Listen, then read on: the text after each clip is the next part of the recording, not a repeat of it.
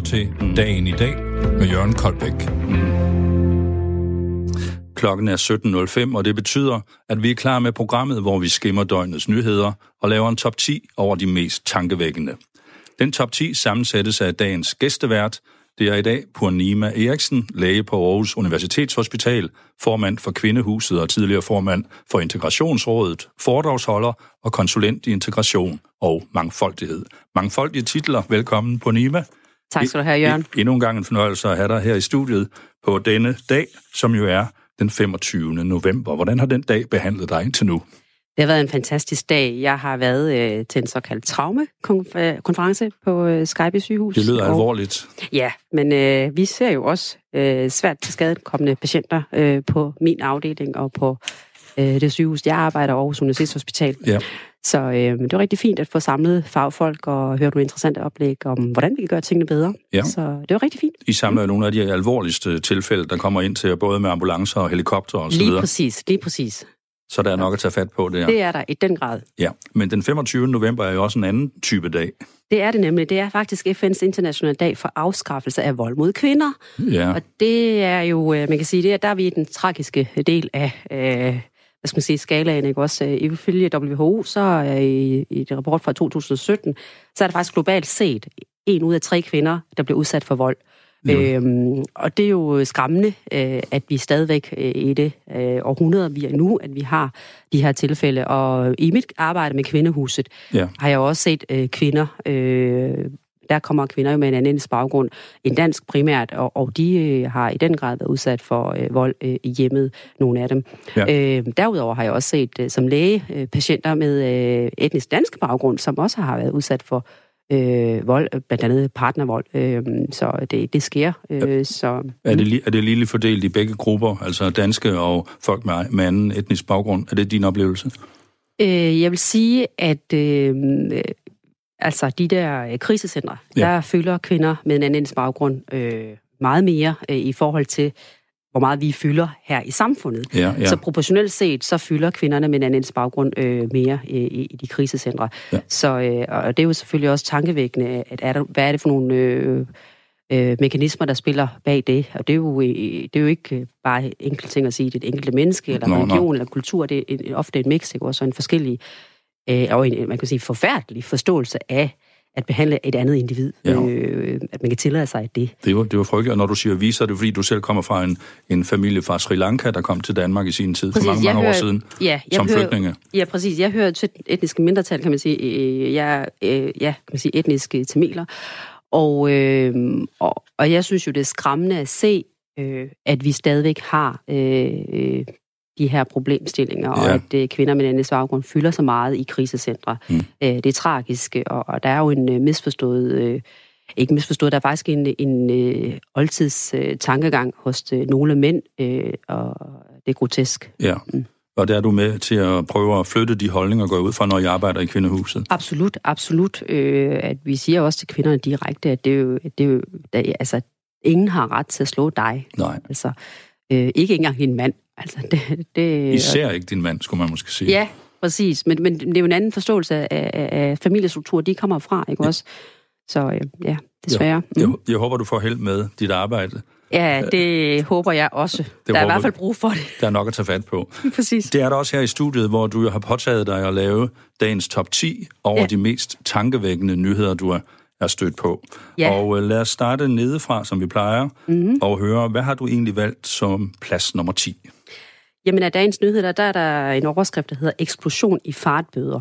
Øh, brandudrykning eller fartbøller. Øh, stærkasserne de er sådan set ligeglade, fordi de får nemlig også bøder. Ja. Det er jo sådan, at mindst 260 gange er brandfolk over hele landet blevet blitzet det seneste år, og alene i Region Syddanmark, der har ambulanceredere fået 275 bøder fra stærkasserne i år, øh, ifølge DR Syd.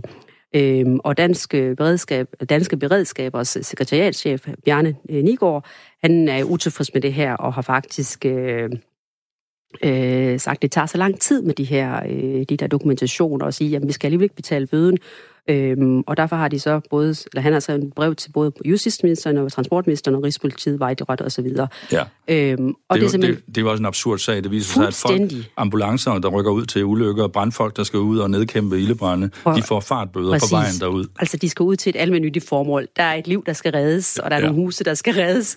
Øh, og, og det duer jo ikke, at, at, at man ikke kan skælne. Altså, det er jo, det er jo ressourcespil, tidsspil. Ja. Øh, man kan sige, jamen altså, man bliver nødt til at finde noget fornuftigt at på. Altså, det er byråkrati.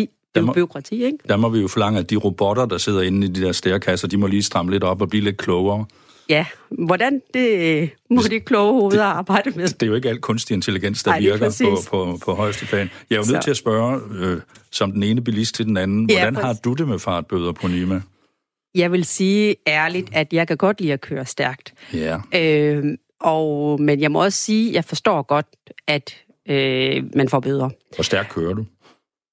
Jeg plejer at køre øh, det, jeg må, men det er jo sket, at jeg har kørt øh, 90, hvor jeg måtte køre 70 øh, Ja. en lørdag morgen, hvor der ikke er nogen biler. Og så bliver jeg fanget af øh, ja, en af de der kasser der, og der må man jo betale sin bøde. Og det er jo, det er jo sådan, øh, det er, kan man sige. Og jeg synes faktisk, det er rigtig fint, øh, at der er øh, de her, øh, hvad skal man sige, øh, øh, former for øh, ja, kontrol. Ja. Fordi at vi skal opføre os ordentligt. Vi skal øh, køre fornuftigt. Øh, så øh, Det siger jeg også til mig selv, hver gang jeg får en hilsen fra Rigspolitichefen. Jeg synes, det er meget flot, at hver gang man er kommet til at lave en lille overtrædelse, så får man faktisk en personlig hilsen fra Rigspolitichefen selv. Jeg forestiller mig, at han sidder og kigger ja, du glad? på papiret og siger, nej, nu er den gal med Jørgen igen. Han Ja. må have en hilsen. Ja. Ej, det er så hyggeligt at få de der hilsner, hva'? Ja, ja nej, men altså, øh, når det er sagt, altså man kan sige, selvfølgelig skal der jo, øh, altså vi ser jo også trafikuret ud på mit arbejdsplads, ikke også, at det er forfærdeligt. Altså, så vi skal lære at køre ordentligt, og der, der skal, og hvis det er de her mekanismer, der skal til, for at vi opfører os pænere, Ja. på, så må det være det. Men det her, det er jo horribelt, at, at de her, de mennesker, de skal jo ud. Altså Til- brandfolkene, de skal have lov til at køre. Præcis, Det, øh, det mener jeg. ambulance og brandbil, de skal jo ud. Ja, altså, ja. sådan er det. Så må vi andre, vi andre, vi må stramme lidt op. Måske skulle vi komme på studiebesøg ude på Traumacenteret og se, hvad der sker, når man kører for hurtigt. Ja, meget gerne. Måske det, kunne det virke lidt det- dæmpende på vores højre fod, når ja, vi træder på speederen. Det, det er i hvert fald tankevækkende, det tror jeg. Det vil det give. Det forslag er herved givet videre. Tak. Og det var dagens nyhed fra plads nummer 10, hvilket jo straks bringer os videre til plads nummer 9.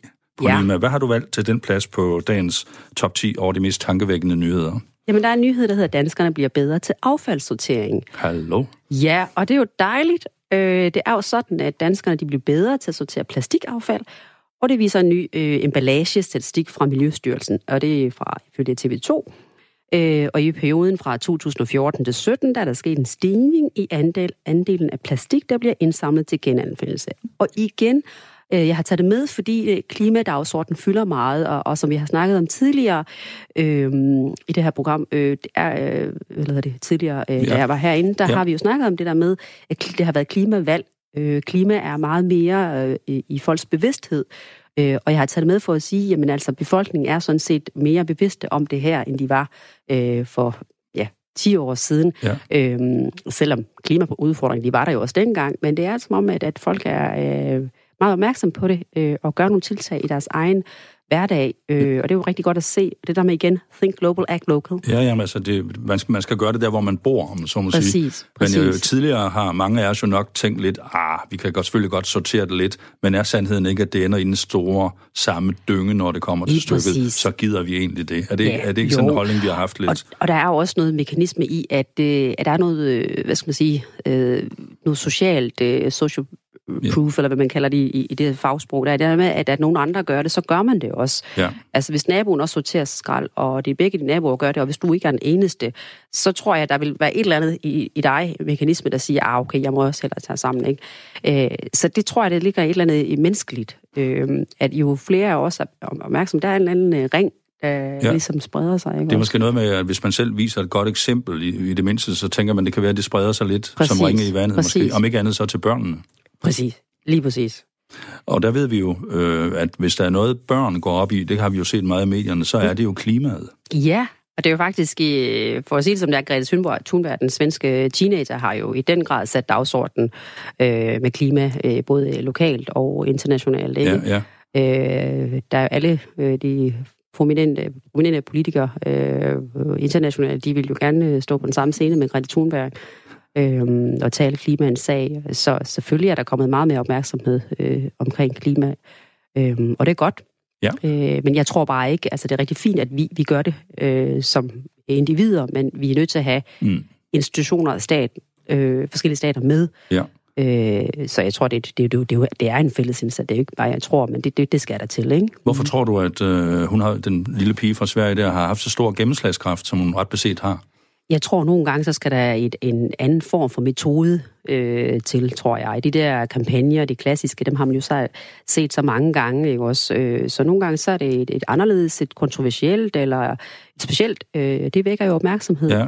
Så øh, ja, det har hun gjort. Skolestrække for klima, det er noget nyt. Ja. Øh, så og det, og, og det, faktum, at hun er et barn, spiller må- måske en rolle. I hvert fald et, snart et ung menneske, men Ja, altså fra altså starten af en, har en hun jo været et teenager, der barn. ligesom tager ansvar for klima og sin fremtid, det er jo noget øh, interessant nyt, øh, og, og, og har spredt sig til resten af verden. Øh, så man kan jo også se på de der politikere, man kan se, at det faktisk betyder noget for en unge generation.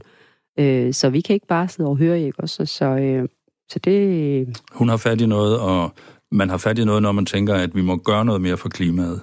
Altså, Og- så vidt jeg, ja lige præcis, og så vidt jeg forstår, så har, er det det eneste planet, øh, hvor vi sådan kan eksistere på det niveau, som vi gør nu. Så vi bliver I nødt til at passe på det. I hvert fald så vidt vi ved indtil Ja, videre. præcis, lige præcis. Fint, det var dagens øh, placering som nummer 9, affaldssortering her på dagens nyheds top 10. Og øh, vi kigger jo i det her program ikke kun på dagen i dag, vi tillader os også at kigge lidt bagud, og vi vil lige prøve at høre nogle af de ting, man talte om for 20 år siden. Nyhederne for 20 år siden, den 25. november 1999.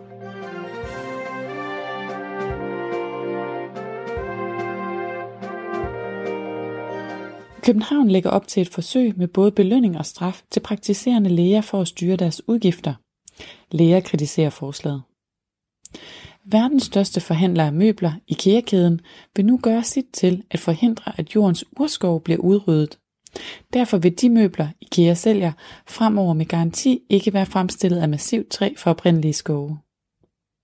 Og så er to 6. klasse elever indstillet til en dusør, fordi de i går forpurede en fangeflugt fra Vesterfængsel i København. De to befandt sig på en parkeringsplads over for fængslet, hvorfra de fik øje på en fange, der var ved at fire sig ned fra fjerde sal.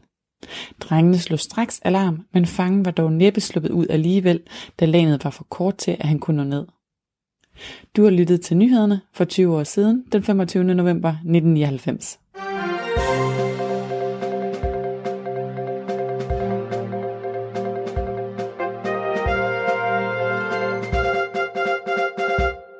Flot af de unge elever der, der var med til at afsløre forbryderen, der ville ud af fængslet. Absolut. Ah, sådan skal det være, drenge. Ja, det må man sige. Sådan skal det være. Men vi fik jo også en øh, klimaagtig ting her med IKEA. Ja, med IKEA. bæredygtigt uh, træ, det synes ja. jeg, da, det er jo 20 år siden, vi taler om, og allerede der, der har klimadagsordenen jo også betydet noget i visse, øh, kan man sige, og virksomheders øh, opmærksomhed, eller ja, deres ja. perspektiv, ikke også? Så øh, det er rigtig fint, og det er jo kun gået den vej.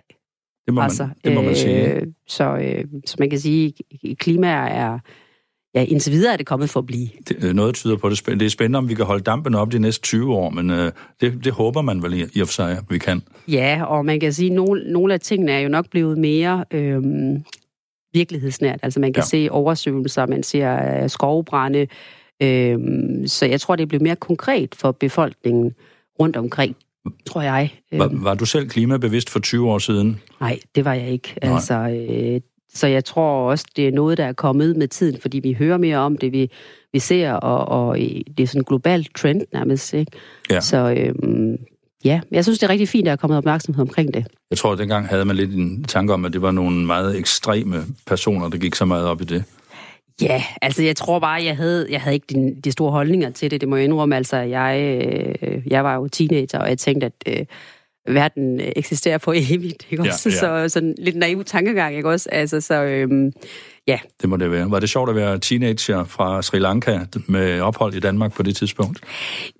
Jo, altså det var det jo, men det, det jo endte, altså du har jo øh, forskellige kulturelle perspektiver, som, som du øh, altid vægter, øh, og det er jo altid spændende, når I er teenager. Der, øh, det er jo, det er, man, man vokser jo som menneske, øh, og man tror, man har svar på alt. Ja. Det finder man så bare ud af som voksen, at det har man så bare ikke. Og der var måske ikke en stor forskel på at være teenager på Sri Lanka og så i, nej, i altså, Jylland? Øh, nej, altså jeg tænker, eller det ved jeg ikke, jeg har jo ikke været teenager mm. i, i, på Sri Lanka, men jeg tænker, at jeg har jo, øh, det er jo det helt andet opvækst, jeg har fået, øh, fordi det har været under trykkekår, ikke også? Altså, ja. jeg, mine forældre flyttede fra krigen på Sri Lanka, så man kan sige, at jeg har jo øh, fået øh, en sikkerhed, en tryghed i Danmark, hvilket jeg er taknemmelig for, og det ved jeg, at mine forældre også er. Øhm, men det er jo klart, det er også en anden kultur, man kommer fra. Så det, de, de ting har man jo også med sig. Og som teenager, så tror jeg det der med, at man prøver at finde uh, sit uh, fodfæste. Jeg, jeg prøvede i hvert fald. Uh, min, min forældre havde sin, deres kultur, ja. kan man sige. Og noget af det har jeg også taget til mig. Men så har jeg også, jeg er opvokset på den danske, i den danske vestlige kultur, og, og den tager jeg også til mig. Og, og, og det tror jeg, det er en naturlig øh, udvikling. Ja. Øh, men det er klart, det er jo ikke altid nemt, øh, fordi nogle ting kan være så forskellige. Øh, og det hører man jo også fra øh, mange unge med anden baggrund, at de har den der og vokser i to forskellige kulturer og prøver at navigere i det. Ja. Øh, for nogen går det ret godt, og, og nogen giver det nogle udfordringer, som man løser senere, og nogen skal have hjælp til det, ikke også? Det er klart. Så, øhm, Men du har jo i hvert fald navigeret rigtig fint i det system, det kan vi vel roligt sige i dag. Det ved jeg ikke. Jeg er i hvert fald uh, landet godt. Det er så, men, men tak, ja. Og ikke nok med det, du er faktisk klar til at give os uh, dagens placering på nummer 8 på vores uh, nyhedstop 10 i dag. Ja, altså der er faktisk en nyhed, der hedder Brita Nielsen tilbage i retten efter sygdom. Ja. Altså, det, det var åbenbart sådan, at, at Brita Nielsen, som jo er svindelanklaget, hun er kommet over sin sygdom, så kommet sig over sin sygdom og mødte i retten ved Københavns Byret i dag. Og det betyder jo, at sagen kan blive genoptaget, og planen er, at flere af Britta Nielsens tidligere kolleger skal vidne i dag. Øh, det var sådan, at det skulle have været indledt i fredags, men øh, det nåede aldrig at komme i gang, retsmødet, fordi at øh, halv time før det skulle være startet, så fik retten en mail mhm. om, at Britta Nielsen var syg og ikke kunne møde op. Og jeg synes jo, altså, den sag kom, fylder jo også ret meget i, i nyhederne, og ja. det, jeg synes er tankevækkende i det her, det er jo, at i Danmark, Danmark er jo et tillidsbaseret samfund. Ikke? Altså, øh, det, det er jo et samfund, hvor, øh, hvor man stoler på hinanden, stoler på institutionerne. Øh, det er faktisk sådan, at Transparency International har, altså en organisation, har øh, målt, sådan, hvordan er korruption, demokrati øh, i, øh, på verdensplan. Og der har vi jo 2008, der laver de en indeks fra 0 til 100, hvor 100, hvis det er super godt, så er det 100. Ja. Og der tror jeg faktisk, at vi fik for 88. Vi, vi lå i hvert fald nummer 1 i indekset øh, fra Fantastisk. 2018. Fantastisk. Og når man har et land, der ligger nummer 1 på det niveau, hvor der nærmest ikke findes korruption, og, og vi lever så godt, så bliver man altså også chokeret over, at der sidder en offentlig medarbejder og tager pengene i sin egen kasse, eller skuffe, eller hvad man skal sige. Det er simpelthen grotesk. Jeg, jeg, jeg er simpelthen... Øh, Ja, måske er jeg naiv, men, men jeg troede simpelthen ikke, at det kunne ske i Danmark. Man kan jo næsten sige, at vi taler om perioden før og efter Britta Nielsen. Ja, præcis. Jamen, det er helt... Det, jeg mangler ord for, at, at man kan sidde og tage så meget. Ja. Eller altså ikke tage så meget. Tage pengene fra staten, altså fra sin arbejdsplads. Det skulle have gået til nogle øh, projekter i almindelige formål, og så sidder man og tager pengene selv. Altså jeg forstår så ikke, at der på et eller andet tidspunkt, at man ikke tænker, at det her det er forkert. Men det er jo fantastisk også at tænke på, at det er foregået hen over 25 år. Jamen, det er det der med, altså, at, at på et eller andet tidspunkt, at man ikke har tænkt, det her det er helt galt. Det, det, det skal jeg ikke, det må jeg ikke, øh, eller at man bliver opdaget, eller et eller andet, at der kommer, men altså det er jo, ja...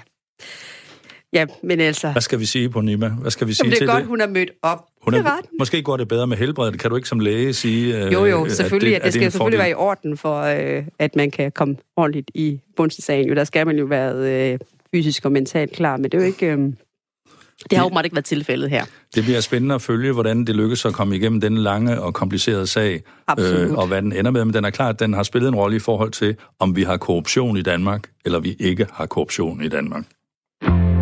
Du lytter til Radio 4. Ja, på Eriksen, du er øh, godt i gang med at bygge vores øh, top 10-liste, og øh, du har faktisk nu nået så langt, at du vil sige til os, hvad vi skal have på plads nummer 7.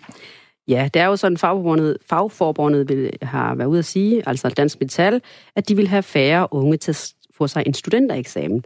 Øh, ifølge Berlinske, så har Dansk Metal, de vil have et loft over antallet af studerende øh, fra gymnasiale uddannelser, så der bliver optaget 3.000 færre elever om året på de danske gymnasier. Øh, og det er, deres argumentation har det været, at, at jamen, der kommer mangel på øh, faglært øh, arbejdskraft, Øhm, og at der er jo de her akademikere, der uddanner sig til arbejdsløshed. Ja. Øhm, det kan vi ikke have. Vi, er nødt til, vi, vi kommer til at mangle ind på vores øh, man skal sige, håndværksmæssige fag. Øh, og der kan man jo så sige, at øh, ja, der kan argumentet være godt, ikke, set, ikke mindst i lyset af, hvad vi har set her øh, på de sidste par uger, hvor der har været tale om de der arbejdsløse akademikere. Ja, som skulle ned i netto måske og sidde præcis, i stedet for. Ja. Præcis, og, og der kan man så sige, at øh, jamen, har de ikke ret? Øh, det har de da i den forstand. Altså, øh, hvis du uddanner akade- øh, hvad hedder det, akademikere, som ikke kan bruge deres uddannelse, så er det jo også spild øh, i, i samfundets øjne, kan man sige, de, de penge der. Men også, de, også for dem selv. Altså, ja. de kommer ikke til at bruge deres uddannelse, og det er jo heller ikke hensigtsmæssigt, så der er ikke nogen af der er for gavn af det. Men øh, omvendt, så kan man så sige, at formand for Rektorforeningen, hun har været ude at sige, at, øh, at det er en dårlig idé, fordi at der kommer også til at, fordi vi er, det er en øh, mindre øh, ungdomsårgange, øh, der kommer øh, til at komme ud og tage de her uddannelser. Ja. De er jo ikke, de så det er et forbigående de, fænomen, tænker ja, lidt. men altså, der er jo også læger, der er jo lærer, øh, ingeniører, som også øh, øh, kommer til at mangle, eller dem er der mangel på, og, ja. og, og de skal jo igennem en gymnasiel uddannelse. Så de hold, altså gymnasie, rektorforeningen, der er de i hvert fald uenige i den her beslutning, eller hvad hedder det, forslag. Og der kan man så sige, jeg tror, man skal finde den, øh, sætte, sætte sig sammen, og så finde en balancegang, øh, fordi det der med at finde et loft, det er meget ja. skærpende. Jamen, jeg forstår det nærmest, at Dansk Metal siger, at vi må simpelthen sætte et loft for, hvor mange vi vil have ind på gymnasierne. Ja, fordi præcis. der går for mange ind i øjeblikket. Ja. Og når man rammer det loft, så lukker vi for tilgangen, og så skal vi se, om vi kan få de unge mennesker over i nogle håndværksfag, for eksempel. Ja. Ud og være faglært. Og det er ud ret... og gøre noget af alt det, vi mangler i vores samfund. Ja, og, men det er, er det ikke ret... meget fornuftigt? Jo, jo, men det er bare ret... Øh, det er meget skærpende altså, at sige, at der skal være et loft over det. Men jeg kan godt forstå deres argument, øh, argumentation, fordi også set i lyset af, hvad vi har hørt de sidste par uger. Vi har mange arbejdsløse akademikere. Det spilder penge, mm. øh, og det spilder deres uddannelse. Øh, vi kan ikke, det, kan vi, det kan vi jo ikke være betjent eller bekendt som samfund, at, at de øh, ikke øh, får et job. Øhm, Omvendt så mangler vi også øh, faglærte, og der skal vi så til at importere folk fra udlandet men måske, mm. det er kompliceret, men måske hænger det også sammen med, hvad der er, man så må sige, ind, altså hvad man synes, der er fedt job at have, og hvad man synes, der ikke er noget fedt job. For jeg tænker på en måde, hvis jeg var ung i dag, og det er jo desværre ikke, øh, så tror jeg, jeg vil sige, det må da være fantastisk at være håndværker. Mm. Tænk at kunne ja. det, som er så efterspurgt. Selv at arbejde ja, med sine hænder, mm. bygge ting, lave ting, få ting til at virke. Er det ikke sjovere at sidde på en, øh, en skolebænk og læse øh, Shakespeares samlede værker, helt ærligt. Hvorfor, hvorfor kan man ikke tale det op og være håndværker? Præcis, altså, og, og, og min pointe er også der med, at der er jo brug for folk. Ja. Alle forskellige øh, slags øh, mennesker med forskellige kompetencer. Øh, jeg synes, man skal passe på med at sige, at, øh, at det er finere at være akademiker. Ja. Øh, vi, vi har brug for elektrikere, vi har, vi har brug for øh, forskellige slags håndværkere øh, i det her samfund. Ved du hvad, vi har faktisk brug for... Prøv at tænke på, hvordan vores samfund ville være, hvis vi ikke havde vores skraldemænd. Ja, det er et glimrende eksempel. Glimrende altså, eksempel. Ja. Jeg synes simpelthen, den der akademiske snopperi, det, det bliver vi altså nødt til at uh, se bort fra, fordi at vi kan ikke have et velfungerende samfund. Uh, altså, vi, vi i Danmark bliver Nå. betegnet som et uh, eksist, uh, hvad kan man sige? Et af verdens bedste, siger man som det. Ja, et af verdens bedste samfund. og ja. bedst samfund uh, på mange parametre, ikke? også ja, ja. ikke kun økonomisk. Uh, det kan vi jo ikke have, hvis, altså, det er jo fordi, vi har et system, der fungerer på mange måder på alle niveauer, inklusiv at der er nogen, der samler vores skrald op. Altså, Nemlig? det dur jo simpelthen ikke, at, at uh, tale det, uh, de her faglærte uh, fagområder, så uh, tale ned, og så kun frem af akademikerne. Nemlig. Skal vi ikke give Dansk Metal et point for, at de, kom med en tankevækkende nyhed her? Bestemt. Det synes, Bestemt. Jeg, det synes jeg helt sikkert, som, som sikrer sig en god placering på, på plads nummer syv i dag. Og det bringer os frem til et lille tilbageblik. Vi vil lige prøve at høre nogle radionyheder, der er 10 år gamle. Nyhederne for 10 år siden, den 25. november 2009.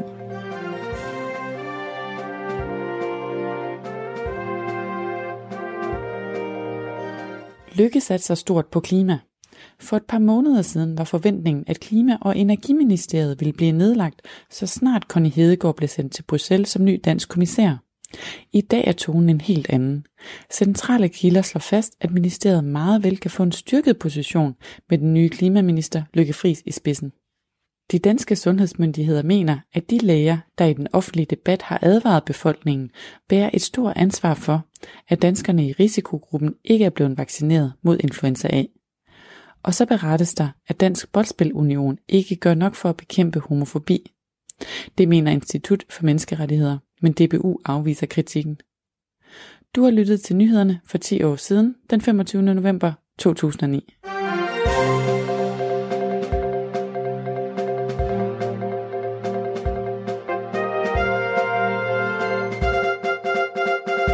Ja, her hørte vi, at også for 10 år siden talte man om klimaet og klimaministeriet, men vi hørte også, at der også dengang var diskussion om vaccinationer. Præcis, ja. ja. Skal man lade sig vaccinere mod influenza? Skal man i hele taget lade sig vaccinere? Altså, jeg synes jo, man skulle lade sig vaccinere øh, øh, mod influenza, fordi jeg har også set patienter, der ikke er blevet vaccineret, som er blevet syge, ret syge, og har ja. været indlagt på min tidligere øh, arbejdsplads. Øh, og det er også mit fagområde, kan man sige, så, så jeg har selvfølgelig set et, et større andel øh, end, end måske ikke, altså dem, der ikke er inden for øh, det specielt. Jeg er uddannet for infektionsmedicin. Øh, men, men, og det er jo også, influenza er jo sådan en folkesygdom, øh, så jeg synes da i den grad, at man skulle, øh, man skulle øh, lade sig vaccinere. Øh, så.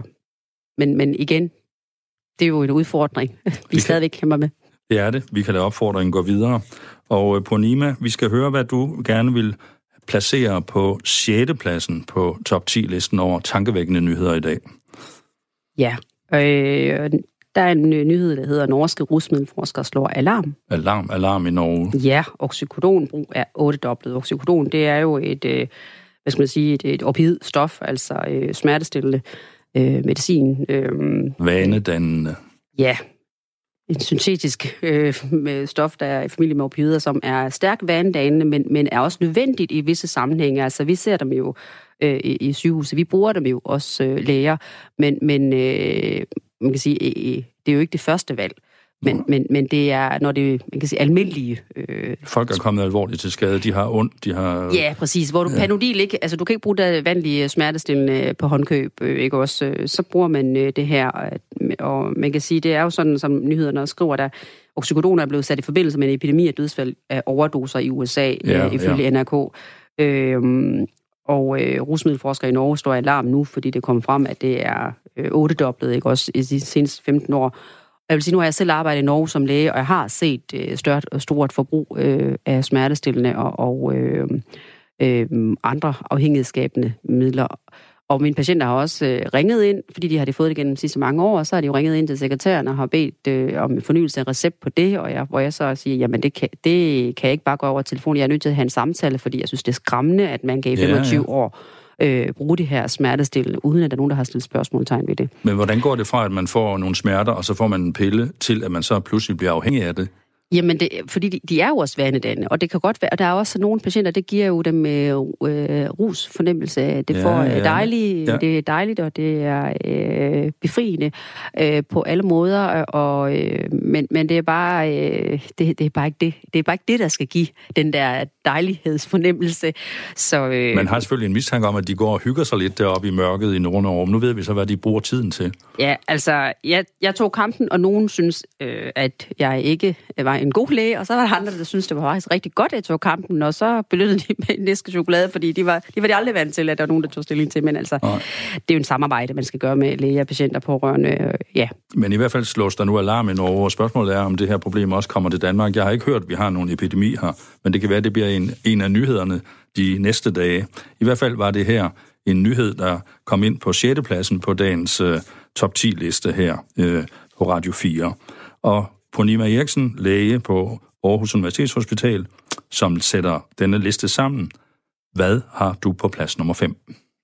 Ja, der er en overskrift, der hedder LGBT-accept er stedet i næsten alle verdensdele det seneste år 10. Og hvad er det nu, det er for et ord? LBGT, LQBT, hvad er det nu, det hedder? Ja, altså det er jo homoseksuelle, øh, både mænd og, og kvinder, altså... Øh, Øhm, det er jo sådan, at øh, altså Danmark har faktisk en, en øh, LGBT-forening, som i 70 år har arbejdet for øh, rettigheder og homoseksuelles, øh, øh, hvad skal man sige, ja. folk, der har øh, et, en anden, øh, hvad skal man sige, kønsidentitet øh, end os øh, klassiske, øh, øh, og har en anden seksuel orientering, også øh, de, øh, majoritet ja. øh, som har kæmpet for deres øh, rettigheder i øh, 70 år på alle niveauer. Altså, øh, Det er bøsser og social- lesbiske ja, og transpersoner Præcis, og præcis. biseksuelle og så Præcis, videre. præcis. Ja. Øh, og det er jo rigtig godt at se, at, øh, at det er i alle verdensdele, fordi at man kan sige, vi bryster os af, at, at vi, har, vi er så tolerante, øh, men, men man hører jo, øh, hvis man hvis du taler med LGBT-personer, så siger de jo, at, øh, at de oplever jo hate crime, og de er ikke Ja. accepteret på lige niveau med øh, os andre øh, Nej. heteroseksuelle. Øh, så, og det er jo endnu værre i, i ah, lande øh, som, øh, hvor man kan sige, at ja, Somalia, Azerbaijan, Senegal, Senegal øh, der er tolerancen øh, ja, knap så godt. Der er, der, er jo, der er jo lande blandt andet i Afrika, hvor det er jo ikke bare ulovligt, det er jo forbundet med dødsstraf faktisk. Det er det For eksempel at være præcis. homoseksuel. Ja, præcis. Altså i den her øh, liste der, der er jo øh, samlet tolerance over for minoritetsgrupper. Det er stedet øh, i, i 111 ud af 167 lande de sidste 10 år. Der er Island så verdens mest tolerante land Ja. øh, over for seksuelle minoriteter i det her indeks. Og vi er så på femtepladsen. Og nummer 2, 3, 4, det er så Holland, Norge og Kanada. Altså, vi er i det vesten, vestlige øh, øh, boldgade, kan man sige, vestlige lande, ikke også? Og så er der øh, de lande, der ligger i en helt anden ende af skalaen. Det er jo øh, Tatarkistan, øh, eller Ja. Tatarkistan. Jeg er ikke så god til at udtale det her, kan jeg se. Men øh, Somalia, Azerbaijan og Senegal, ikke Ja, også? ja. Og i Somalia, der er der faktisk øh, dødsstraf, øh, Ja. for at være, hvis du er en homoseksuel mand. Og det er grotesk, jo, ikke også? Altså, øh, så... Men hvordan skal vi se nyheden i dag? Skal vi se den som en nyhed om noget forfærdeligt, nemlig at man stadig kan blive stenet til døde? Eller skal vi tage den som noget positivt og sige, Jeg synes, det- generelt over det meste af verden, der går Ja. det fremad? Hvordan ser du det? Altså, det der med, at det er i næsten alle verdensdele, at det er blevet bedre af tolerancen. Det synes jeg, man skal tage det som en hyldest til diversiteten. Og det er jo sådan, vi er forskellige. Altså, det er jo en utopi at tro, at alle er ens på alle parametre. Ja. Øh, vi er så mange milliarder, altså sådan, sådan er vi bare ikke skabt. Øh, og, og jeg har det sådan, jamen altså, øh, så længe folk ikke gør øh, noget, hvad skal man sige, øh, gør harm, eller ved, øh, Ja. gør andre ondt, øh, så er det jo fuldstændig ligegyldigt, hvem man er, og hvilke seksuelle præferencer man har, og øh, køn og baggrund, etnicitet og religion, hvad man nu måtte have, ikke også? Øhm, så jeg synes, det er rigtig, hy- en rigtig fin hyldest til diversiteten, og, og, jeg, og jeg synes, det er grotesk, at der er nogle mennesker, der kan blive øh, slået ihjel, fordi ja. de har en anden seksuel orientering øhm, end majoriteten, også heteroseksuelle. Øhm, så jeg tager det som et positivt tegn, Ja. øh, men vi har stadigvæk noget at kæmpe med. Ja. Øh, men, men, øh, Plads det, til forbedring. Yes, det må man sige. Ja. Men det er jo dejligt, at der også i den, denne verden med alle de store problemer overalt, at der er gode nyheder også, der er lyspunkter undervejs. ja, Og helt sikkert. her var et af dem, at det går den rigtige vej med udviklingen. Ja. Og det var placeringen på nummer 5 på vores liste. Og så vil vi lige øh, trække vejret et øjeblik og gå tilbage og høre radionyheder, der er fem år gamle. Nyhederne for fem år siden, den 25. november 2014. –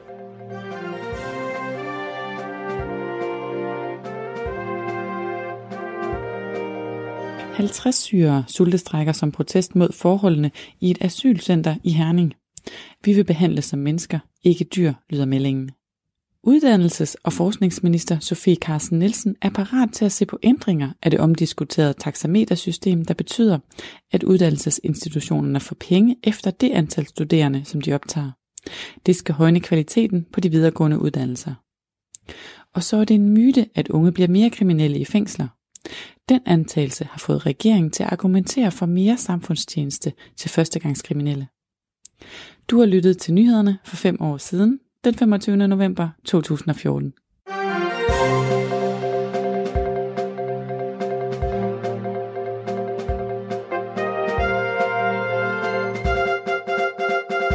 Ja, her fik vi en klassiker, nemlig spørgsmålet om, hvad der virker bedst at sætte folk i fængsel, så de kan få en over neglene, eller at de idømmes samfundstjenester og derved bliver bedre mennesker. Hvad tror du egentlig er det bedste?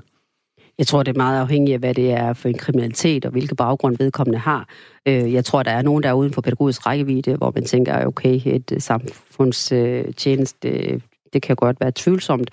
Men, men omvendt, så er der måske, ja, sådan første gang en ung dreng på 12 år, så kan det godt være, at han, øh, han skal have en chance. Ja. Øh, ja. Men det er jo igen det enkelte kriminalitet, tror jeg, man skal. Jeg skal se differentieret på Ja, det. præcis, lige præcis. Vi er klar til øh, fjerdepladsen på øh, din top 10 liste i dag, Og øh, hvis ikke jeg tager fejl, så er vi inde på klimatankegangen endnu en gang. Ja, det er vi. Det er jo sådan, at verdens største havvindmølle, Ejer Ørsted, de øh, foreslår, at man bygger en gigantisk vindmøllepark på Bornholm. Ja. Det skriver politikken. Øhm, og det er jo sådan, at regeringen og deres, øh, den støttepartier har skrevet ind i deres forståelsespapir for det kommende års politik, at det kunne være en idé at bygge en kunstig energi i, Nordsøen med hundredvis af havvindmøller. Ja, langt, langt ude på havet. Præcis. Og så er det så, hvor de så siger, jamen hos Ørsted, der siger man, hvorfor, øh, hvorfor have en kunstig ø? Vi har jo Bornholm. Ja. Og det er jo sådan, at Bornholms øh, borgmester, Vinnie Grusbøl, hun har taget godt imod ideen, fordi det vil jo give øh, flere aktiviteter og arbejdspladser på øen, så det er jo, øh, umiddelbart er det jo en rigtig øh, god idé. Og det er jo sådan, at øh, altså Folketingets øh, beslutning om at være uafhængig af fossile brændstoffer inden 2050, øh, hvis vi skal nå i mål med det og EU's klimamål, så er det jo nødvendigt at udbygge både vindmøller, men også altså vindmøller, men både på land og øh, på, i havet, ikke Ja. også? Men det er bare dyrere at bygge havvindmøller end på landjorden. Men, øh, Det er meget dyrt ude på havet, men til gengæld slipper vi for at se på møllerne, når Præcis. de kommer bag horisonten, som man siger. Præcis, præcis. Men altså igen i det her øh, klimadagsorden, der, altså, vi, altså, man må bare erkende, at øh, klimavenlige løsninger er dyre, og specielt det der havvindmøller, det er jo sådan, at det, det, er, jeg tror vist, det, det var 30 procent dyrere, end Ja. at det bygge øh, landet. Det er noget med fundament og installation og vedligeholdelse. Alt det her, det er dyrere øh, i, i havet. Øh, at det faktisk ikke, altså de næste par år vil det ikke kunne betale sig, men på sigt øh, Mhm. mm-hmm. vil det jo være en rigtig god øh, Men det kunne måske være en meget god idé, som de siger nu fra Ørsted, det store energiselskab, og sige, hvis Bornholm er med på den, så lad os da sætte en masse møller op på Bornholm, så Jeg kan det synes, jo det være en stor fantastisk. vindø i Danmark. Jeg synes, det er en rigtig god idé.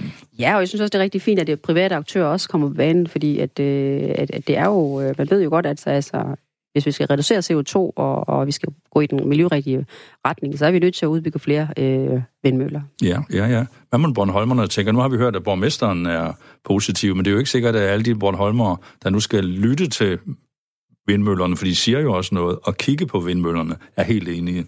Ja, det, det, det ved jeg godt, men, men igen, altså, hvis vi skal øh, mene noget alvorligt om klimaet, Ja, og vi ja. ja. gerne beholde vores natur og klode, så bliver vi jo nødt til at gøre nogle øh, ændringer, kan man sige. Ja. Man kan også sige, at det her er endnu et eksempel blandt mange, som vi taler om i de dage her, nemlig endnu et, klima, et øh, klimaprojekt, endnu noget, der skal hjælpe os i den rigtige retning. Så der er mange, hvis man interesserer sig for det, er der virkelig mange nyheder i øjeblikket at følge med Lige i det her. præcis, lige præcis, lige præcis. Så øh, skal vi tillade os at glæde os på Bornholmernes vegne, Absolut, absolut. eller i hvert fald på klimaets vegne? Ja, det er det. Det vil sige klimas vegne. Ja, det tror jeg også, vi skal sige. Du lytter til Dagen i dag med Jørgen Koldbæk. Ja, vi er godt i gang med at stable en rigtig fin top 10-liste på benene her. Det er Purnima Eriksen, der står for det i dag, læge fra Aarhus. Vi er faktisk nået helt op til tredjepladsen nu, Ja, Purnima. Nu begynder det at stramme til. det gør det. Hvad har du, Øh, hvad har du valgt efter grundig og moden overvejelse? Ja, altså der er en øh, nyhed i dag, et overskrift, der hedder Hjælp på vej til børn med traumer i Grønland. Øh, det er sådan, at hver tredje barn, der blev født øh, i Grønland i 90'erne, har ifølge Statens Institut for øh, Folkesundhed haft en barndom med alkoholiserede forældre og vold i hjemmet. Og hvert femte barn har været udsat for seksuel overgreb. Men kan det, kan det virkelig passe? Hver tredje har været udsat for vold, hver tredje og hver femte for seksuel overgreb. Altså, det er forfærdeligt. Er det, Det ikke her. det? Ja, det er forfærdeligt, og jeg kan vide, om det er, om, om tallet er egentlig, hvad skal man sige, om der er nogle mørke tal, vi ikke hører om. Så det er endnu værre. Ja, jeg ved det ikke, men, men jeg synes i hvert fald, øh, det er tankevækkende. Øhm, men det der, altså, en, altså, jeg har jo faktisk selv haft patienter, som har haft de her, øh, øh, har været udsat for øh, diverse forfærdelige ting, altså øh, øh, også, øh, Ja. og man kan jo se, at de, de er påvirket af det som voksne også.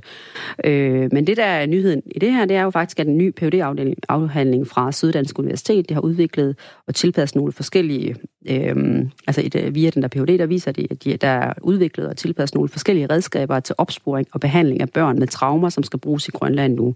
Øh, og det er nyheden er ifølge Kristi øh, Dagblad. Ja. Så, Øhm, så man vil sætte ind med en indsats nu. Præcis, og, og programmet, det her nye indsats, det er foreløbig gået i gang i tre af Grønlands fem kommuner, og en del af det går ud på, at man bruger nogle forskellige redskaber, som en legetest og tegnesæt for at give psykologerne indblik i, hvordan barnet oplever verden. Øhm, og ifølge en, en, en psykolog, øh, som leder et familiecenter i Grønland, så udfylder det nye redskab et stort tomrum.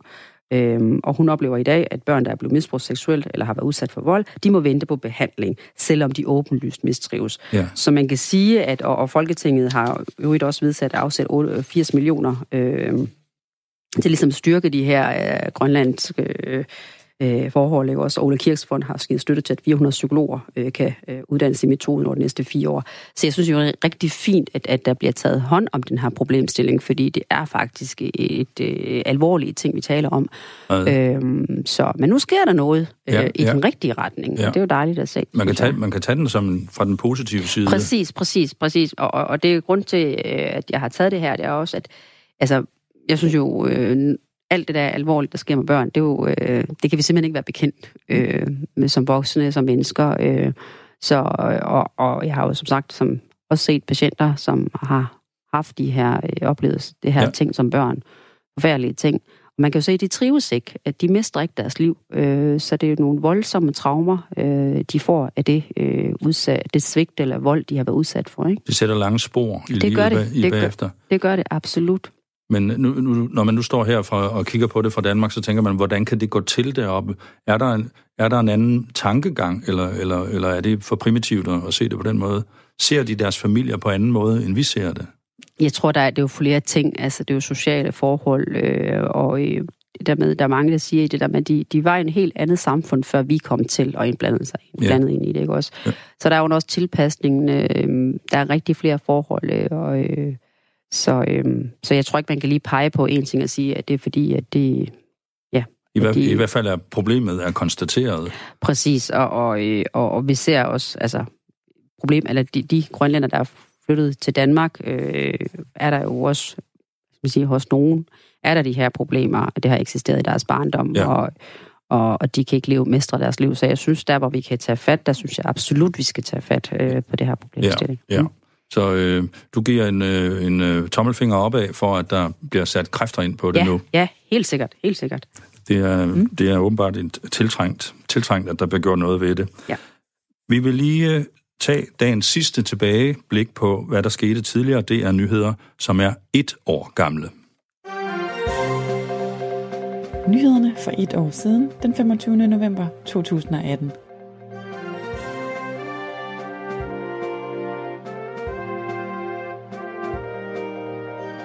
Kunderne flygter fra toget.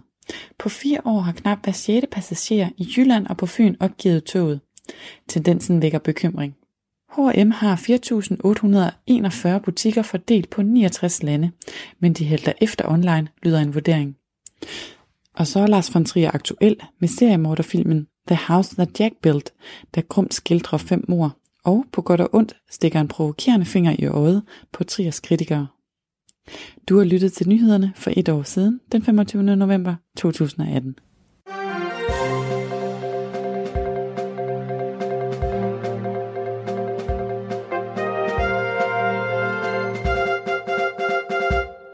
Ja, her hørte vi, at øh, der er flere, der opgiver at tage med toget, fordi der er så mange problemer forbundet med det, går jeg ja. ud fra. Ja, ja, jeg har også oplevet, jeg har jo pendlet til Odense en overgang, øh, og har brugt øh, toget. Ja. Øhm, og jeg har da også mødt forsinkelser. Altså, man kan sige, det var selvfølgelig ikke hver dag. Altså, jeg har også haft en god periode med DSB. Men det er jo klart, man mister, man skal jo noget, øh, hvis man skal på arbejde, og så, så skal du ikke have for mange forsinkelser. Nej, jeg må også sige, de sidste tre gange, jeg har været med toget, der to af gangene har det været stop, øh, togbusser, omkørsler ja. og flere timers forsinkelse. Ja, men det, ja, det, det er frustrerende. Det, det er jo det, der driver os ud i vores biler, hvor vi træder for hårdt på speederen, og så får vi fartbøder. Ja, det er jo det. det, er det. Ja, jeg ved det godt, ja. Det, det har sin fordel at tage Spørgsmål, spørgsmålet er, om man, kunne sende, ja. om man kunne sende sin bøde videre til DSB og sige, ret beset, er det, det deres dig. skyld? Ja, lige præcis. Det er jeg, der er årsag til, at vi kører for stærkt. Nej, oh, vi, må, vi må snart håbe, det kan gå fremad for DSB. De ja, trænger virkelig altså, til noget med i gang. De, de skal altså virkelig have nogle positive nyheder snart. Ja, kan du ikke finde nogen til næste gang, du jo. kommer herind? Det må, du, det må du sætte dig for. Det skal jeg gøre. Vi skal nu øh, høre, hvad du har valgt til plads nummer to på vores top 10-liste. Ja, der skal vi en tur i det store udland efter Hongkong-valg, der øh, viser det sig, at demokratibevægelsen får massiv opbakning. Ja. Det er sådan, at øh, der har været valg i går, øh, distriktsvalg, hvor efter de fleste stemmer er taget op her til morgen, så viser resultatet, at pro-demokratiske kandidater har vundet 90 procent af pladserne i Hongkongs distriktsråd. Det oplyser lokalmediet RTHK ifølge Reuters. Øhm, og det er jo øh, tankevækkende, fordi at, øh, som sagt, siden marts, så har vi jo set de her demonstranter, og vi har, det har været ret øh, voldsomme billeder, man har kunne være øh, vidne, vidne til.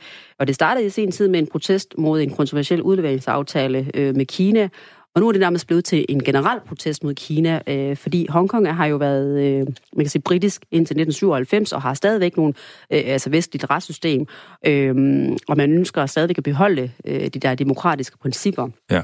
Og der er man jo bange for, at man mister, øh, i og med, at Kina engang skal øh, have overtaget Hongkong øh, permanent. Øh, lige nu har de jo sådan semi-selvstændighedsstyre, øh, ikke også?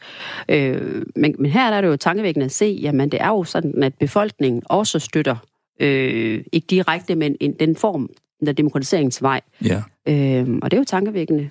Det har været meget spændende, synes jeg, at se det forløb, der har været, ja. hvor det hele startede med nogle meget, meget store, brede folkelige protester. Ja med tusinder og atter tusinder, og måske hundredtusindvis af mennesker på mm. gaden mm. i ro og orden. Og så er det hele accelereret op til et forløb, hvor ja. der har været nogle meget voldsomme sammenstød ja, med mindre grupper, ja. Øh, som har kastet sig ud i nogle benhårde kampe med politiet og ildspåsættelser. Ja, ja, men det er helt... Øh, det og det er øh, fuldstændig accelereret ja. helt vildt. Og så så man i går ved afstemningen, pludselig Fredelig. gik det fuldstændig fredeligt og ja. roligt igen. Hvordan tolker du det? Jamen, det, altså, de vil det her valg. Altså, det er jo sådan, at normalt så er der ikke stort forskel på distriktsvalget i, eller fokus på distriktsvalget i Hongkong. Ja, det er jo bare lokalvalg, det er kommunalvalg. Ja, præcis. Det er jo sådan nogle, de tager sig hverdagsopgaver, som for eksempel samle skrald ind og byplanlægning. Øh, Affaldssortering. Ja, præcis. Men, men valgdeltagelsen har været rekordhøj i år, fordi øh, i de her distrikter, der har været præget af demonstrationer. Så jeg tror, der er det der med, Jamen altså, hvad, hvad, hvad, den, hvad er årsagen til det her? Altså, øh, øh, Altså, jeg kan også øh, forstå, at Carrie Lam øh, har været ude at sige deres leder, at hun vil øh, lytte ydmygt øh, til vælgerne. Øh. Ja, den politiske leder, som er støttet, støttet fra Kina. Ja, lige præcis. Øh, og, og det siger jo faktisk, at det her valget har nærmest været imod hende eller ikke. Altså, det er enten, der er du med, Carrie Lam, eller så er du ikke. Øhm, og nu har hun jo så været ude at sige, at hun vil lytte ydmygt. Øh, hvad det så vil betyde, det ved jeg ikke. Men, øh, men det har også øh, givet nogle reaktioner fra Kina, fordi at udenrigsminister Wang Yi har været ude og udtale, at uanset hvad der sker i Hongkong, så er Hongkong en del af Kina.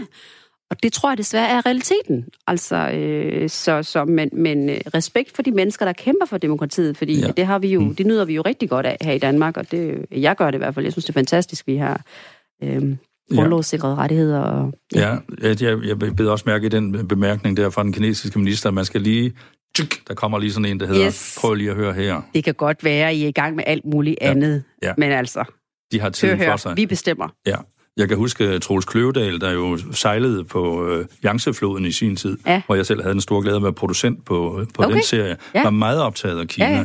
Og han skrev jo faktisk en bog, Troels Kløvedal, der mm. hed I Kina syr de med lang tråd. En meget mm. flot formulering, som jo betyder, de ser langt, langt ud i fremtiden. Mm. Yeah. Det er ikke sådan noget med, hvad sker der i morgen, eller hvad sker der på onsdag, eller hvad sker der næste år. Mm. De har tiden for sig. De har tid til at vente. Ja. Det er meget tankevækkende. Det er det helt sikkert. Og det må jo også være lidt skræmmende måske for de mennesker i Hongkong, der nu har stemt øh, i god ord og orden, at de ved godt et eller andet sted, der tager Kina helt over. Altså, det må være, det må være mærkeligt at have, at øh, det er sådan et, hvad skal man sige, det er en venteposition. Ja. Altså, på et eller andet tidspunkt, så ændrer det hele øh, sig, ikke også? Og så, ja. Man må jo beundre deres øh, mod og deres kræfter. Ja, 2047. Der bliver det til kinesisk styre. Det ved det. Men indtil da vil de gerne beholde så meget demokrati, Præcis. tror jeg, som de overhovedet kan. Ja, vi skal, vi skal være taknemmelige for, at vi har det i vores breddegrad. Ja, ja, det glemmer vi måske i det daglige. Ja, det tror jeg. Det tror jeg. Vi har nogle konventioner, som beskytter os, og det tror jeg, vi skal være glade for. På det er dejligt, du kan minde os om det. Radio 4 taler med Danmark. Ja, så er vi jo kommet i, op i nærheden af sandhedens øjeblik. Purnima yeah. Eriksen, læge, formand for Kvindehuset i Aarhus, tidligere formand for Integrationsrådet i Aarhus, og en masse andre ting. Hvad har du bestemt dig for, at vi skal have som den nyhed, der har været allermest tankevækkende for dig i dag? Jeg synes, det er vigtigt at bemærke, at 160 års øh, året for Darwins bog om evolution, den skaber stadigvæk debat. Så derfor synes jeg, det er aktuelt at tage den med her i dag. Øh, det er jo sådan, at for øh, præcis 160 år siden, altså i 1859, der udgav Charles Darwin arternes oprindelse i England. Den engelske videnskabsmand. Præcis. Opdager, øh, opdagelsesrejsende. Ja, altså Darwin, han foreslog jo, at naturlig selektion, øh, det kan forklare, hvordan jordens dyre og plantearter øh, kan, har udviklet sig. Og, og der kan man sige, at øh, hvorfor jeg har taget den med, det er jo, at teorien gælder jo stadigvæk i dag. Øh, og det er jo sådan, at de fleste lande faktisk øh, tror på den. Ja, øhm, vi tror men, på den i Danmark. Ja, det er bare ikke... Øh, det er i hvert fald ikke det, det, øh, det gælder øh, øh, alle steder i, i, på kloden. Og det er jo faktisk sådan, øh, Bodil Ehlers, der er seniorforsker på Institut øh, for Bioscience, eller Bioscience i, øh, på øh, Aarhus Universitet, hun siger jo, at øh, teorien har jo haft samfundsmæssige konsekvenser, og øh, at den stadigvæk er aktuel. Øh, blandt andet bakteriers udvikling af antibiotikaresistens. Øh, og patogeners udvikling af modstandsdygtighed over for bekæmpelsesmidlerne. Og det kan man jo sige, det, jeg ser det jo i min hverdag, at hvor vi, hvor vi kan se, at bakterierne bliver, bliver dygtigere og dygtigere til at øh, overleve, ja. øh, fordi at vi har brugt for meget antibiotika. Altså, øh, det er en årsag til, at de udvikler resistens, øh, altså modstandsdygtighed, at vi kan ikke bruge de gængse antibiotika, som vi tidligere har øh, anvendt. Øh, og, når, til... og, når, og når de kan det, så fordi, at de forstår at tilpasse sig. Præcis, altså de, øh, de bliver bare bedre altså, øh, til at håndtere Altså, ja. de overlever jo, fordi de tilpasser sig og finder nye mekanismer på at overleve på. Øhm, så øh, det, det er smart. Og det var jo det, Charles Darwin fandt ud af, at han talte jo om det, han kaldte the survival of the fittest. Præcis. Det er det, at de arter, der er bedst til at tilpasse sig, dem, der er stærkeste, øh, det er dem, der driver udviklingen frem. Det han kaldte evolutionen, hvordan præcis, udviklingen præcis. går år efter år, 100 år efter 100 år, 1000 år efter 1000 år. Og hele tiden tilpasser arterne Præcis, sig. og han gjorde det jo meget øh, altså grundigt allerede dengang. Ikke? Også det er jo flere år, tiers omhyggeligt arbejde, indsamling af materiale og korrespondence med andre førende naturforskere. Og han havde også sin kamp med øh, de troende i samfundet dengang.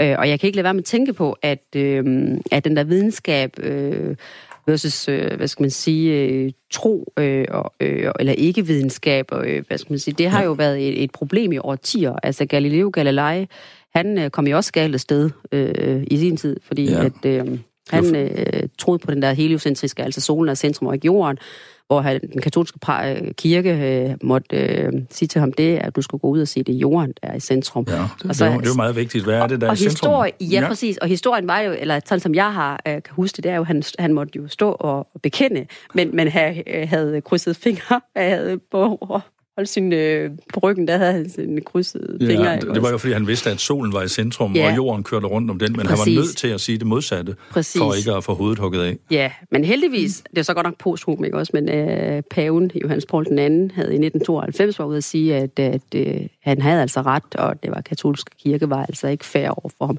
Men det er bare for at sige, at det, den der modstand mod videnskaben påviser et eller andet, det har jo eksisteret i, i flere århundreder, og det er faktisk tankevækkende, at det stadigvæk eksisterer. Ja, det gør det jo faktisk. Altså, vi kan jo se folk, der vælger deres egen sandheder, når det gælder for eksempel vaccinationer. Folk, øh, børn, der ikke bliver vaccineret. Øh, udbrud, øh, der har været forskellige steder i, øh, i, i de her, øh, altså også i vestlige lande, ikke også? Øh, folk har deres egen sandhed. Ja. Altså, vi, vi lever i en informations-overload, øh, informations-overload øh, samfund, øh, hvor du kan få informationer alle steder fra. Øh, det er let tilgængeligt, øh, men du når ikke, du har måske ikke, øh, hvad skal man sige, altid øh, tid, ressourcer og evne til at sætte, sig ind i alle emner. Øh, og det er jo derfor, man har nogle eksperter på forskellige områder, som, som kan ligesom guide dig igennem, hvad er, hvad er rigtigt, hvad der ikke er. Men føler, føler du, at der er en, en uh, dalende respekt for videnskaben, når man så må sige? Altså det, at man bare kan gå ind på nettet, og så kan jeg på nettet sige, prøv at høre, hvis I drikker 52.000 liter grebfrugt, så er jeres cancer øh, Præcis, kureret. Ja. Alt, man kan jo sige hvad som helst præcis, på nettet. Præcis, og det er jo det. Og så sent som jeg tror, tidligere på ugen, der har der været der med en, en alternativ behandler, der var ude at sige, at kræfter ikke er en sygdom. Ja. Øh, og, og altså, Øh, det duer jo ikke, at man går ud og siger det her ting. Det er nogle alvorlige sygdomme, vi taler om. Øh, ikke også? Så jeg vil ikke sige, at altså jeg siger ikke, at videnskaben har ret altid. Videnskaben har jo den, det, man kan sige, det gode ved videnskaben, det er, at øh, det bliver ved med at udvikle sig, og noget, hvis noget ikke har virket, så kommer de med nye forsøg og siger, okay, hvordan kan vi gøre det bedre? Ja. Så man kan sige, noget, der er videnskab for 50 år siden, er ikke nødvendigvis gældende nu, fordi der er kommet flere øh, og informationer og flere ting, øh, øh, forskerne har fundet ud af. Så, øh, så du bruger ikke måske ikke nødvendigvis samme øh, midler, for fordi man ved, de havde for meget bivirkninger, så finder du noget andet nu. Så man kan sige, videnskaben renser sig selv hele tiden, øh, eller hvad skal man sige, udvikler sig hele tiden og, og er selvkritisk. Øh, og jeg siger ikke nødvendigvis, at alt, alt, alt alternativ behandling er dårligt. Jeg siger bare, at man er bare nødt til at være øh, øh, kritisk forhold til alt og bruge den sunde fornuft og lytte mm-hmm. til, øh, at, der no, at der er nogen, der har brugt så mange år på at kunne ligesom blive eksperter inden for et område, øh, i stedet for at have sin egen sandhed. Fordi man skal også veje op, hvad er konsekvensen? Og det var jo i virkeligheden en meget god svater her til sidst, for lige mm. at minde os om, at alt det, det havde Charles Darwin faktisk øh, gjort sig tanker om for 160 år siden. Og øh, også en opsang om at sige, lad os lige respektere videnskaben. Ponima, det har været en fornøjelse igen at have dig inde. Jeg glæder mig til, at du kommer næste gang. Vi er ved at nærme os afslutningen på denne udgave af Dagen i dag. Det er jo sådan, at vi sender hver dag på samme tidspunkt kl. 17.05, mandag, tirsdag, onsdag og torsdag. Så vi glæder os til at være klar igen med et nyt program i morgen. Programmet her var produceret af Paseo for Radio 4. Og om ganske få sekunder er vi klar med nyhederne her på Radio 4. Jeg siger tak for i dag. Mit navn er Jørgen Koldbæk på Genhør i morgen 17.05, og nu er der nyheder.